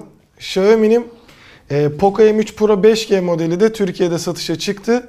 İlk e, Redmi Note 10 5G için Dimensity ilk cihaz diyorduk. Hemen e, bir tane daha ikinci Dimensity telefon gelmiş oldu. İkisinin de işlemcisi aynı. Aynen Dimensity Dimensity 700. 700. Dimensity 1000 henüz Türkiye topraklarında görülmedi. Ee, özelliklerine baktığımızda 90 Hz'lik 60 6.5 inç 60 ne de- neyse 90 Hz'lik 6.5 inç e, ekranımız var. 48 2 artı 2 megapiksellik arka kameramız. Önde 8 megapiksel kamera. Ee, bir diğer yandan 5000 mAh bataryada da 18 wattlık hızlı şarj desteği var. RAM ve depolamada iki farklı model var Türkiye'de. 4'e 64 3200 lira, 6'ya 128 3500 liralık fiyatla satışa çıktı. Şimdi M e, aslında giriş seviyesi seviyesi diye biliyoruz. Bize öyle anlatıldı. serisi öyleydi, evet. Poco'nun. Ama giriş seviyesinde Onun da 5G Pro'sunu. görüyoruz. Giriş seviyesinde Pro'yu görüyoruz ve giriş seviyesinde 3500 lira gibi fiyatlar görüyoruz. Ee, işte insanlar karar verecekler. Yani 5G'si var diye e, böyle erken bir teknolojiye para verilir mi? Ekstra para verilir mi? Karar verecekler. Oturup kendi matematiklerini kendileri yapacaklar. Şimdi Bu gidişle bana farz oluyor Aydoğan. 5G niye umurumda değil diye bir video çekmek bana farz oluyor gibi görünüyor. Ee, bunların hepsi yani Xiaomi üzerinde söylemiyorum. Operatörlerin de, devletlerin de, cep telefonu markalarının da 5G'yi bu kadar olmayan bir şeyi, son kullanıcı için olmayan bir şeyi, son kullanıcının hayatına sokma çabaları beni rahatsız etmeye başladı açıkça söylemek gerekirse. Yani 6G teknolojisinin 7G, 10G, 100G'nin geliştirilmesi için gereken fonlamayı sanki Kickstarter'da açmışlar ve bize 5G işlemciler satarak buradan kazandıkları paralarla bir de bak dikkat et 5G işlemciyi bizi önceden daha pahalıya satarak, daha karlı satarak e, bu işi e, destekliyorlar. Yani kendi kumbaralarında para biriktiriyorlar gibime geliyor. E, ben şöyle düşünüyorum. E, birisi keşke karşıma çıksa da bana niye Poco M3 Pro 5G'ye 3500 lira vereceğini anlatsa ben bir şeyleri kaçırıyor olsam ve beni ikna etse. evet. Çünkü şöyle de bir şey var abi. 4'e 64 Poco X3 fiyatına 628 X3 Pro fiyatına. Şimdi X3 Pro gibi bir cihaz varken ben niye e, Dimensity 700'lü daha düşük megapiksel kamerası olan bir telefon alayım? İşte birisi anlatsa bir bunların hepsini bana. Mesela çok istiyorum. Eğer e, Poco M3 Pro 5G alan bir arkadaşımız varsa sizin görüşünüze gelsin ve şunları bana bir anlatsın. Ben de öğreneyim. Yani öğrenmenin yaşı yok. Alıver, oluver yanlış bir yerden bakıyorumdur mümkün. Bir yayın yanlışı yapmış olma ihtimalimiz var hayatta. Beni bu yanlıştan kurtarsın, çekip kurtarsın şu hayattan beni birisi diye çok istiyorum. Ee, inşallah ya e, bir tane Poco M3 Pro 5G kullanıcısı ya da bunun niye böyle olması gerektiğini anlatabilecek bir sektör profesyoneli beni bu yanlış düşüncelerimden alıp çıkartır, gerçek bilgiyle donatır ve ben de derim ki ey Poco M3 5G sen ne güzel bir telefonmuşsun. Tam zamanında 7. ayın 2021 yılının 7. ayında Türkiye'de satışa çıkmışsın. Daha 5G nedir bilmezken biz telefonumuz 5G'li diye senin sayende nelere nelere vakıf olmuşuz diye böyle anlatırım insanlara inşallah. Daha fazla goy goy yapmamıza gerek var mı? Yok. bir sonraki habere geçelim mi? Geçiyorum direkt. Mozilla Vakfı'nın yaptığı araştırmaya göre YouTube'da kullanıcılara siz biliyorsunuz kendi algoritması var. Ee, ve size sizin zevkinize ya da izlediğiniz şeylere göre öneriler sunuyor. Burada yapılan araştırmalara ve çalışmalara göre YouTube daha çok sakıncalı videoları öneriyormuş. Bunu da nasıl fark ediyorlar. E, bu testteki ya da işte e, görüş alınan kullanıcılarda e, 92 e, 91 ülkeden gelen 1622 e, benzersiz katılımcı tarafından 3362 rapor üzerindenmiş. E, bu raporlamaya göre de sonuçta sizin işte ben bu videoyu bir daha görmek istemiyorum.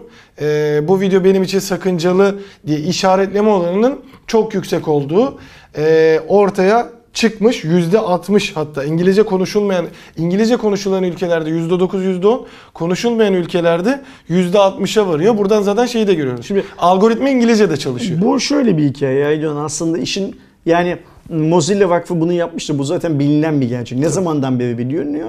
Dünya yayıncılık tarihini, dünyadaki ilk yazılı metin bir şeye tabletin üstüne, papirüsün üstüne, kağıdın üstüne yazılıp bu bir gazetedir filan diye insanlara servis edildiği günden beri biliniyor.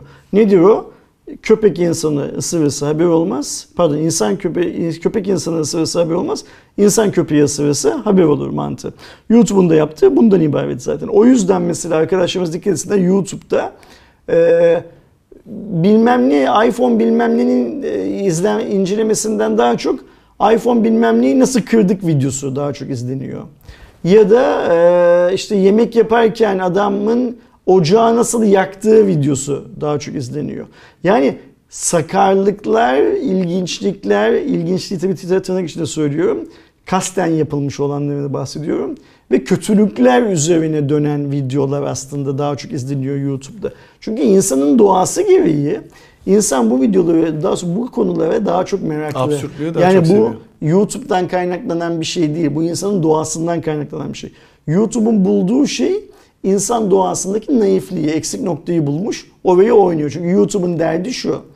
Eğer bu adam YouTube izlemediği sürede gidip televizyon izliyorsa bu YouTube için çok büyük sorun. YouTube izlemesi lazım. İşin her ne kadar teorisi buysa da geldiğimiz noktada yemek yiyorsa da YouTube izlemesi lazım. Çalışıyorsa da YouTube izlemesi lazım. Uyuyorsa da YouTube izlemesi, sevişiyorsa da YouTube izlemesi lazım. Filan şey yapıyor, bürünüyor.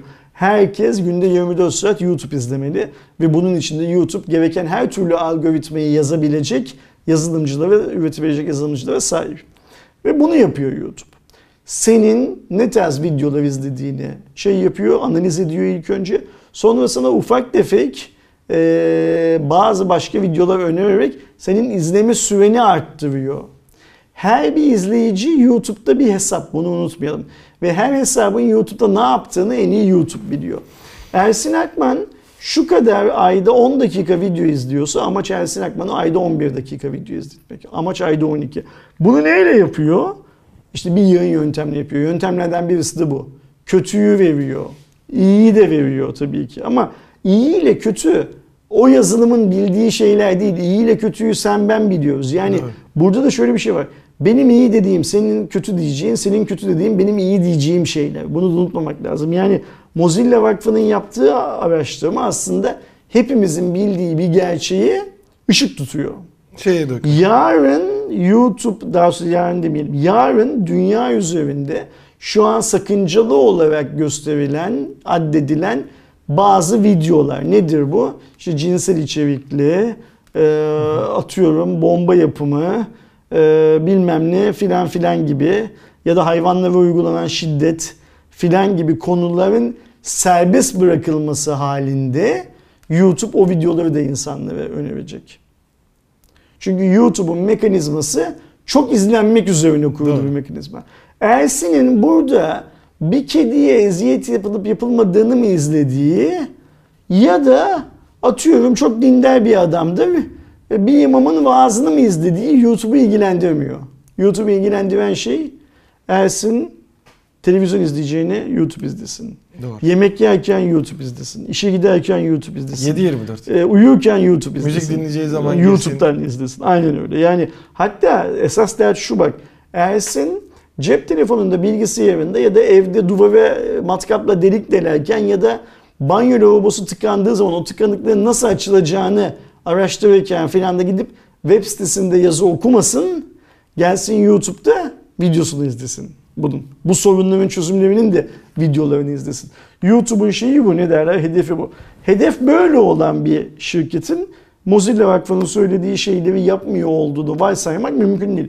İtiraz edebiliyoruz. Neye itiraz edebiliyoruz burada? Sadece 1622 katılımcının yani çok düşük bir katılımcı oranı bu. Evet. 1622 katılımcıyla ortaya çıkan gerçeklerin genele yansıyamayacağı konusunda bilimsel itirazlarımız olur bu konuya. Ama pratikte hepimiz biliriz ki 1622 kullanıcı yerine 16 milyon 222 bin kullanıcı olsaydı sonuç değişmeyecekti. Sonuç yine 3 aşağı 5 yukarı aynı şey yapacaktı, çıkacaktı. Aa, Dünyanın gerçeği böyle. Ee, bunları bilerek şey yapacaksın. Ayrıca bak ben eminim gelecekte biz YouTube'da işten çıkan, YouTube'da e, ya da YouTube'da çalışırken farklı isimlerle bir yerlere bir şeyler yazan insanların Prime üyelerindeki hangi algoritmanın çalıştığı, Prime üyelerinden YouTube'un beklentisi, çünkü Prime üyelerinden YouTube'un beklentisi sadece aidatlarını ödemek olamaz. Bu çok masumane bir beklenti. Doğru. Başka beklentilerinin de olması lazım. o beklentilerin neler olduğunu da yakın zamanda şey yapıyoruz, duyuyoruz. Big Tech, hep konuşuyoruz bunu. İşte ilk ne zaman konuşmaya başladık? Trump'ın hesaplarına Twitter'ın e, yasak koymasıyla konuşmaya başladık. Big Tech gözümüz kapalı güvenebileceğimiz bir ekosistem değil. İnsanın yaratılıştaki e, eksiklikleri ya da bazıları için fazlalıkları bu tarz sistemlerin kendi kanunlarını kendi kendilerine koymalarını gerekli kılıyor. Burada önemli olan şey bu şirketler bizim için ne hizmet sunuyor? Yani insanların aklından şunu çıkarmamaları lazım. Hani şunu çok duyuyoruz ya. Ya ben YouTube'a kuru fasulye nasıl yapılır diye bakayım diye girdim. Bir anda bahçecilik programları izlemeye başladım. Mesela ben bunu çok duyuyorum. Şey klasiği vardır ya Arif'in e, Manchester'a attığı golü atarken nerelere geldik diye. Aynen öyle. Yani e, sen kuru fasulyede kal. Dığın sürece e, bu, sistem, bu sistemler seni yönlendiremez, manipüle edemez, hayatını etkileyemez. Ha ama tabii ki sırf YouTube'a karşı değil, tüm sistemlere karşı bu kadar kontrollü davranman lazım yapabiliyorsun. Yoksa YouTube'da ben kuru fasulyenin nasıl yapıldığını öğrenip çıkacağım deyip ondan sonra gidip bilmem ne haberin attığı başlığa inanıyorsan tek başına orada da başka sorunlar var zaten. Ama sen bu zekayı insanların seni yönlendirmemesi için kullanabiliyor musun? Kullanamıyorsan da durumdan memnun musun? Yönlendiriliyor olmaktan memnunsun. Bir de şöyle bir kaotik tartışma var Aydoğan. İşte insanlar deniyor ki çocuk yaştan başlayarak tüketime yönlendiriliyorlar. Pornografiye, işte alkole, içkiye, uyuşturucuya bilmem ne. Türlü ahlaksızlıklara bilmem ne filan filan.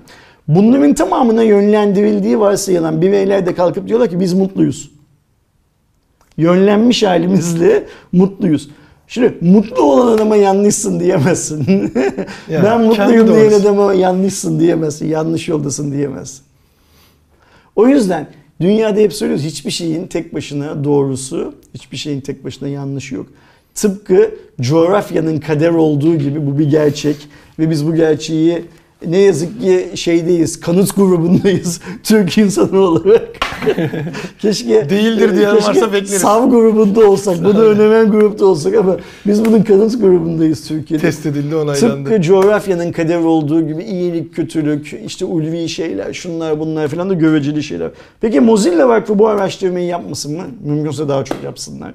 Mümkünse insanlar bunu daha çok düşünsünler. Öyle ya da böyle daha çok gündeme gelsin. Bunu bilsin, yine gitsin YouTube izlesin ama. O onun bileceği şey. Orada yapabileceğimiz bir şey yok. YouTube'u yasaklayamayız. Doğru. Yani uyuşturucuyu yasakladık. Dünyada uyuşturucu kullanımı şey oldu mu ne derler? Azaldı mı? Uyuşturucu baronları çıktı ortaya uyuşturucu yasakladıktan sonra ya da başka şeylerde. Olmuyor. O yüzden yasak tek başına çözüm değil. Çözümü e, birleşik bir akıl yani birleşik akıl dediğim aynen rate sistemleri gibi insanların birleşik akılları çözümü bulacaklar. Belki de insanlık tarihi bu tarz sorunları çözmek için daha çok genç. Bunu da unutmamak lazım. Tabii ki. Yani e, bir arkadaşım hep şey derdi uzun yola çıktığımız zaman kulakları çınlasın. E, şu dağın yaşadığı süreyle benim bu dünya üstündeki olduğum süreyi birbiriyle kıyaslayıp benim yaşadığımı onun yaşamadığını öngörmek mümkün mü derdi. Böyle büyük büyük dağların etrafından geçtiğimiz Geçer. zaman. O yüzden belki de insanlık, insan dediğimiz organizmanın dünya üzerindeki tarihi ve o tarihte elde ettiği deneyimler henüz bu sorunların e, üstesinden gelebilecek şey de değil belki de. E, Görünen o. Deneyimde değil, seviyede değil belki de. Maalesef. Göreceğiz bakalım. Ama tabii bir de şöyle bir şey var Aydoğan. İnsan dediğimiz varlık başkasının emeğine çökme konusunda çok maharetli değil mi? Maalesef ki. Şöyle bir durum var. Bir de bakanlığın paylaşımında oluyor. Türk, Türkiye Cumhuriyeti Kültür ve Turizm Bakanlığı yeni müze kart tasarımını aynı zamanda müze karta getirdiği e, Milli Eğitim Bakanlığı'na bağlı öğretmenler ile 18 yaş altı ve 65 yaş üstüne ücretsiz olma durumu gibi yenilikleri paylaşırken hemen bir şey fark edildi. İşte Galata Kulesi'nin olduğu e, arkadan galiba Süleymaniye ya da Ayasofya'da olabilir. Göründüğü böyle güzel bir şey var. Görsel var. Ama dikkatli baktığınızda arkada alt tarafta Shutterstock Watermark şeyini, var. watermark'ını Şu Shutterstock nedir? Shutterstock bilmeyenler için söyleyeyim. Dünyanın en büyük imaj satıcı olan e, pazar yerlerinden bir tanesidir. Sen bir fotoğrafçısındır, sen bir illüstratörsündür. Şimdi yeni bir sen bir videografsındır. Ürettiğin ürünü oraya koyarsın. Farklı ihtiyaçlar için işte bir web sitesi, logo, broşür, katalog için falan insanlar girip alırlar. Sıfırdan fotoğraf çekimi, sıfırdan çizim filan yerine hazır yapılmışını hem hızlı hem daha ucuza alır kullanıyorlar. Sen burada para kazanırsın sanatçı olarak bu hizmeti veren Shutterstock'ta kendi komisyonunu kazanır. Bakanlık ve Shutterstock filan gibi yerler deneme amaçlı kullanım için üzerinde kendi logolarının olduğu, Evet. watermark dediğimiz logolarının olduğu, kendi imzalarının olduğu versiyonlarını insanlara sunarlar. Hem de hem bununla fotoğrafı görebilmeli. Çalışmanı yap. Nasıl güzel görüp görmediğine bak hatta videoda filan bile al kullan. Ama watermarksız da istediğin zaman kredi kartını ver. Senden parayı alalım derler. Şimdi burada şöyle bir şey çıkıyor ortaya. Bakanlık yeni müze kart görüntüleri için Shutterstock kullanabilir mi? Kullanır. Bakanlığın hakkı dünyadaki herkesin hakkı. sonuçta mock-up dediğimiz şekilde tasarımları Ee, kontrol ediyor. Bakanlıktan benim beklediğim Türkiye'deki bir yığın fotoğrafçıdan hatta şu anda mobil fotoğrafçılık sayesinde fotoğraf çeken insanlar arasında bir yarışma açması ve bu yarışma sonucunda ortaya çıkacak olan mis gibi eserlerden seçim yapmasıdır. Benim beklentim budur. Ama tabii ki bakanlığın bana hizmet etmek gibi, benim beklentilerimi ciddiye almak gibi bir görevi yok. Sonuçta bu bakanlığın sahibi, şu bakanı olan arkadaşımızın ETS turunda değil mi sahibi olduğunu biliyoruz. Tü- Kültür ve Turizm Bakanı kendisi değil mi? ETS turun sahip olduğu otellerde de pandemi süresince işte o hani bir konudan içki yasağı bilmem ne yasağı, eğlence yasağı filan gibi yasaklara ilk başlarda ne kadar uyduklarını da biliyoruz. Yani o yüzden bak ko- koca Kültür ve Turizm Bakanı'nın kalkıp Ersin'in söylediği şeyleri ciddiye alacak hali yok. Ancak şöyle bir şey var. Şimdi bakanlık diyor ki senin söylediğin bu bir mock-up'tı diyor. Biz yanlışlıkla mock-up'ı yani aslında diyorlar ki biz parasını verdik bunu satın aldık. Tabii ki müze kartlarının üstünde bu olmayacak. E bir zahmet olmasın zaten yani şey anlamında. Ee, ama yani hani bunun bir mock-up'ın paylaşılması da garip bir Ya hikaye. oradaki Ajans da Ayrıca, mı fark etmedi, paylaşırken mi görmediler dedi. ayrıca şöyle bir şey var. Bu görsel e, çok doğal olarak Türkiye'nin kendi tarihinden, kendi kültür birikiminden bir görsel. Yani ne diyorsun? Kız Kulesi, Boğaz bilmem ne. Bunu tabii ki %90 bir Türk çekmiş olacak. Kim çekmiş nitekim? Artık YouTube kanalından da tanıdığımız. Flu TV'den e, ne kanalın adı? Flu TV. Flu TV'nin sahibi diyelim değil mi? Yani. İlker çekmiş. İlker Canikligil'in çektiği fotoğraflardan birisi. İlker işte belki YouTuber olarak filan tanınıyor ama adam aslında fotoğrafçı. Evet. Yani zaten kendisinde öyle şey yapıyor. Ve doğal olarak da İlker'in sadece Shutter'da değil birçok fotoğraf bankasında bir yığın fotoğrafı var. Bakanlık bunlardan birisini kullanamaz mı? E kullanır dert değil. Ama nereye gidiyoruz bak.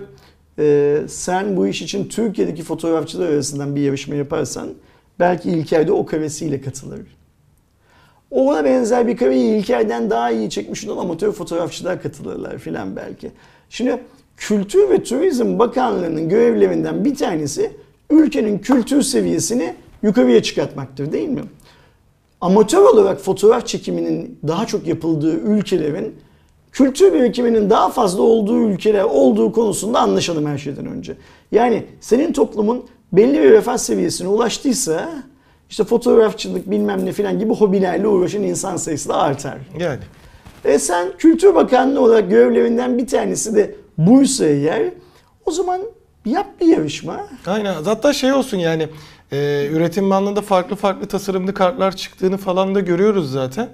E, hatta şu anda İstanbul kartını da tasarımı değişti. Mesela renkli renkli İstanbul kartları olacakmış. E, aynı şeyi zaten bakanlık da yaparsın. Evet e, bir yarışma yap. İçerisinden 5-6 tane seç. İsmini de koy. Fotoğrafı çeken Ayrıca şöyle şey şey İlla İlker'in fotoğrafını illa atıyorum. Çok ünlü bir fotoğrafçının fotoğrafını çekmek zorunda değil. İlker'i o ünlü fotoğrafçıları jüriye al. Onlar amatörlerin Aynen. fotoğraflarını çeksinler. Zaten e, sonradan e, Sayın İlker Canikligeri de açıkladı şey diyor hani e, zaten RF Royalty Free kategorisinde e, çok uygun fiyata alabiliyorsun. Sonradan da e, bunu tasarımları yapan şirket aramış onu. Demiş aslında biz satın almıştık zaten. Hani elimizde fotoğrafın lisansı var. E, büyük ihtimal işte mock-up'lar paylaşılırken hangisi olsun diye. Bakanlık dedi ki bu olsun. İlker büyük bir ihtimalle benim gibi kötü niyetli bir adam olmadığı için onu arayan ajansa gönderilen faturayı hangi tarihte satın aldınız diye sormamıştır. Ben kötü bir niyetli bir insan olarak ben sorarım ve şeyi anlamaya çalışırım. Ta- hangi paylaşımdan? Önce mi paylaşımdan sonra mı alındığını anlamaya o da ama, aslında şey. Ama bu benim kötülüğümden kaynaklanıyor. Zaten e, onda da şöyle bir rahatlık oluyor abi. Tamam hani sen sonuçta yani bakanlık olsan da hani şu an işte tasarruf yapmamız gerekiyor ya tasarruf için daha şeyleri almadın. Aslında yani gerçekten bir ajans içinde biri bir bireysel içinde birçok fotoğraf orada e, aşırı pahalı değil. E satın almadan sen mock-up'larını yaptın. Seçilirse onun şeyini alacaksın. E zaten seçilmiş görsel paylaşımında bir ciddiyetsizlik var. Sorun orada zaten. Hani olay tabii ki o şekilde basmayacaklar. Hani bu saatten sonra bastılarsa da hepsi çöpe atılıp şey olmuştur. Ee, paylaşırken de sen hani onu düzgünce bir şekilde bir bakanlıksın çünkü. klasiğe haline geliyor. Deve nevem düzgünkü demiş. Her hafta bunu bir kere şey yapmak, söylemek zorunda kalıyoruz. Canım ülkemizde böyle şeyler ne yazık ki oluyor. Ee, bunların anlattığımız hikayelerin çoğu yasak değil, normal. Ama anlattığımız hikayelerin bir kısmı da çok normal karşılanabilecek şeyler de değil. Onu da şey yapmak lazım, hmm, ne derler, unutmamak lazım. Ee, yeni müze kart herkese hayırlı olsun. İnşallah üzerinde Shutterstock'tan alınmış bu çok güzel fotoğraflarla daha fazla insanın müze kart sahibi olmasını sağlar bu müze kartlar. Ve daha çok insanın sadece Topkapı Sarayı'na değil Türkiye'nin dört bir Türkiye'deki çok güzel yanındaki çok çok güzel müzelerimize gitmesini sağlar. Hatta inşallah e, bakanlık sadece Türkiye'de müze turlarının yapılması konusunda çünkü Turizm ve Kültür Bakanlığı aynı bakanlıkta olunca o bakanlığın başında da sektörün profesyonellerinden bir tanesi olunca mesela benim aklıma şöyle şeyler geliyor. ETS Tur niye mesela e, müze turları düzenlemiyor? İlla şey mi olması gerekiyor? Gidelim yatalım güneşin altında her şey dahil ya da korona günlerinde eğlencenin, alkolün bilmem nenin ve- verildiği bilmem neler mi yapsın? Tabii ETS tur özelinde değil. Yani ben isterim ki Türkiye'de daha çok müze turu olsun. Yani insanlar İstanbul'dan, Ankara'dan, İzmir'den Antep'e gidip başka şehirlere girip oradaki müzeleri sadece şey yapabilsinler, ziyaret edebilsinler ve bu ziyaret etmek 10 dakikalık turlar halinde değil. Çok deneyimli, çok bilgili rehberler eşliğinde filan yapılıyor olabilir. Ama işte ne olsun abi yani e, bilmem kaç yıl önceden kalmış taşları görüp ne yapacaklar yani. Denize sıfır böyle Aa, mis gö- gibi görecek yerler varken. insanlar çıkar. Sen onu o turu iyi bilgiyle şey yaparsan, yoğurursan görecek olan insanlar çıkar. Ben eminim ki Türkiye'deki birçok müze ve öğren yerimiz gibi yerlerdeki tek bir kalan kalıntı bile üzerine eğer doğru düzgün bir anlatıcısı olursa bir gün boyunca insanların sıkılmadan ayakta oturup Kesinlikle. dinleyebilecekleri. Yani bu sadece Topkapı Sarayı'ndaki harem, Ayasofya'nın kubbesinin o işaretleri, Sultanahmet'in altı minaresi değil. Onlar da dinlenir ayrıca. Hiç şey değil, hiç dert değil bunlar. Ama yani şunu da unutmamak lazım. Bu kalın kalan eserlerimiz mimari anlamda başka bir şey ifade ediyorlar. Kültürel anlamda başka bir şey ifade ediyorlar. Tarihi zenginlik, kalıntı anlamında başka bir şeyler ifade ediyorlar. Ve biz hala daha Çingene kızın bile ne olduğunu şey yapamamışken, çözememişken. Mesela şeyi düşünsene. Çingene kız dediğimiz mozaikle ilgili 3 saat 4 saat konuşulsa insanlar dinlemez mi orada Çingene Dinleyen kız karşında dururken? Çıkar. Türkiye'deki en büyük sorun, ben İlber Ortaylı'nın yalancısıyım.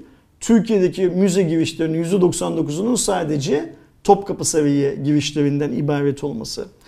Geri kalanlarındaki girişlerin büyük çoğunluğunun da yabancı turistler tarafından Tam onu diyecektim. şey Mesela yapılıyor olması. e, benim işte Ortaklar Anadolu Öğretmen Lisesi'nin çok yakınında yani yürüyerek gidilecek me- e, mesafede Magnezya Antik Kenti var. Biz de hani lisedeyken ha burada şey varmış gidelim dedik. E, girişte bir tane işte güvenlik görevlisi vardı bir de orada sorumlu e, biri vardı. E şeyi sormuştum. Hem dolaşırken anlatıyordu bize şeydi. Hatta hani öğrencisiniz diye normalde o zaman müze kartımız falan filan da yoktu. Hani biz parayla girmek istedik. Zaten hani bu dönemler bizim sakin dönemlerimizdir. Gelin ben sizi gezdireyim gençler. Hani oradan merak edip gelmişsiniz dedi sağ olsun. Gezdirirken orada işte eski tip yan yana dizilmiş tuvaletleri, e, o dönemin en büyük e, sahasını daha doğrusu e, ne derlerdi oradaki şey isimlerini hani Poligon.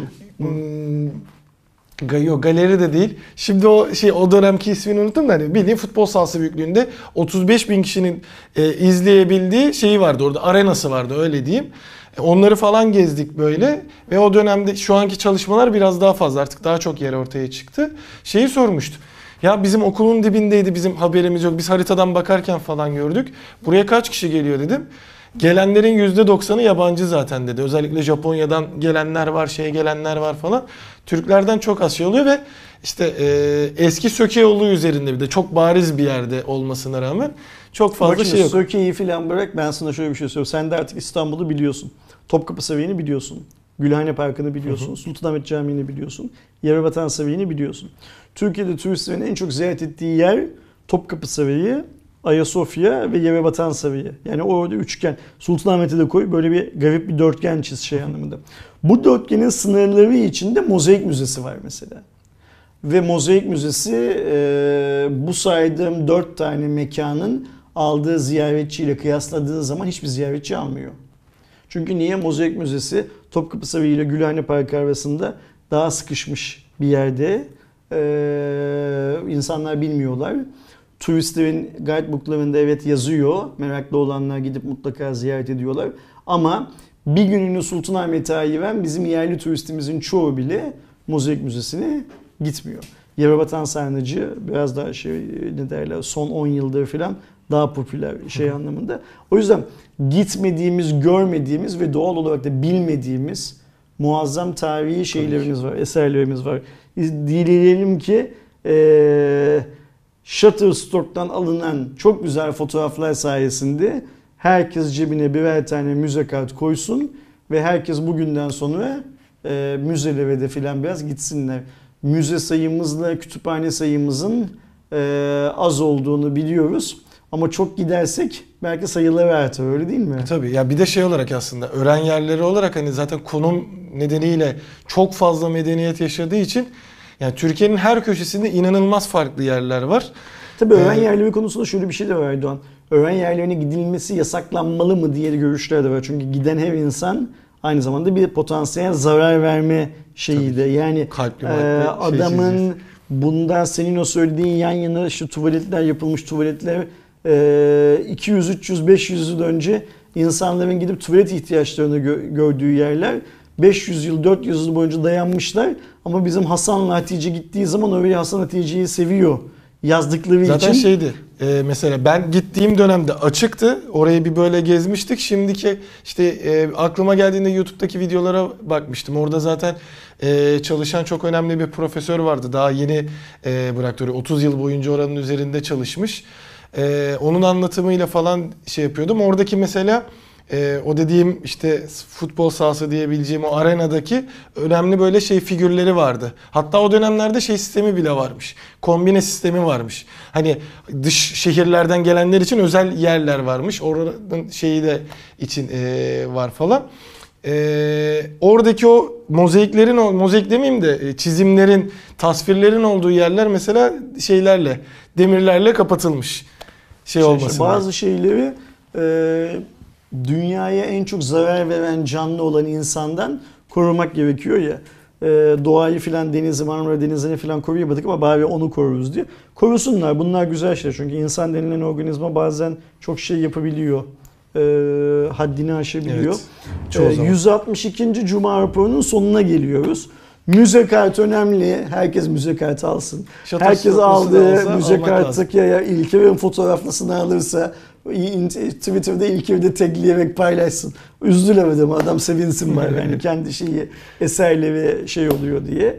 Ee, müzelere sadece müze kartı almakla yetinilmesin, müzelere gidilsin de. Önümüzdeki hafta 163. Cuma raporunda e, sıra geliyor Erdoğan ama Evet. önümüzdeki hafta bayram tatiline de denk düşüyor. Biz büyük bir ihtimalle Cuma raporunu seninle canlı yayın olarak yaparız Aynen. diye tahmin ediyorum. Sen nerede olacaksın? Cuma Ee, şey ben yani Aydın çevresinde olacak. Aydın Kuşadası çevresinde olabilir, olacak. Aydın olabilir, İzmir Eğer olabilir. yetiştirebilirsek birlikte gideceğiz zaten. Evet. Organize edebilirsek. Ben de İzmir'de olacağım kısmetse. Annemin yanına gideceğim.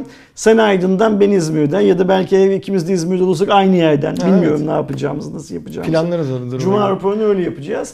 Ve eğer becerebilirsek e, öncesinden yola çıkacağız. Birlikte İzmir'e gideceğiz. Sen bütün bir bayram boyunca İzmir'de kalacak mısın? Ortasında dönmeyi mi planlıyorsun? Nedir Ee, planın? büyük ihtimalle sonuna kadar hani işte bir Kuşadası'na geçip bir Aydın'a geçip falan şey yaparım. Okey. Ben o kadar uzun kalmayacağım büyük bir ihtimalle. Ben bayramın ikinci, üçüncü günü falan İstanbul'a herhalde geriye dönmüş olurum. Öyle tahmin ediyorum. Önümüzdeki hafta canlı sunacağız. Ondan sonraki hafta yine burada stüdyoda olacağız. O yüzden şey diyelim. 162. Cuma, 163. özür diliyorum. 163. Cuma raporunda görüşünceye kadar arkadaşlarımız kendilerine iyi baksınlar. Ee, bayramın birinci günü mü olacak Cuma günü? Ee, evet, yo. Hayır, o şey e, 15 Temmuz sonrasındaki ilk şey oluyor. Okey, o zaman- bizim iki hafta üst üste şeye denk geliyor. Canlı Öyle mi? geliyor. Evet, bir de Şimdi bayram Bir de- sonraki Cuma raporumuz, bizim 162. Cuma raporumuz bayram mı değil mi? Kurban Değil. bayramı değil. Okey o zaman bayramlarını şimdi kutlamıyoruz Yok, yani şimdi. bir- sonrakinde bir sonrakinde kutlayacağız. Tamam. Bayramınızı kutlamıyormuşuz arkadaşlar ama 163. Cuma raporuna davetlisiniz. Canlı yayında sunacağımız 163. Cuma raporunda görüşünceye kadar kendinize iyi bakın. Hoşçakalın. Hoşçakalın.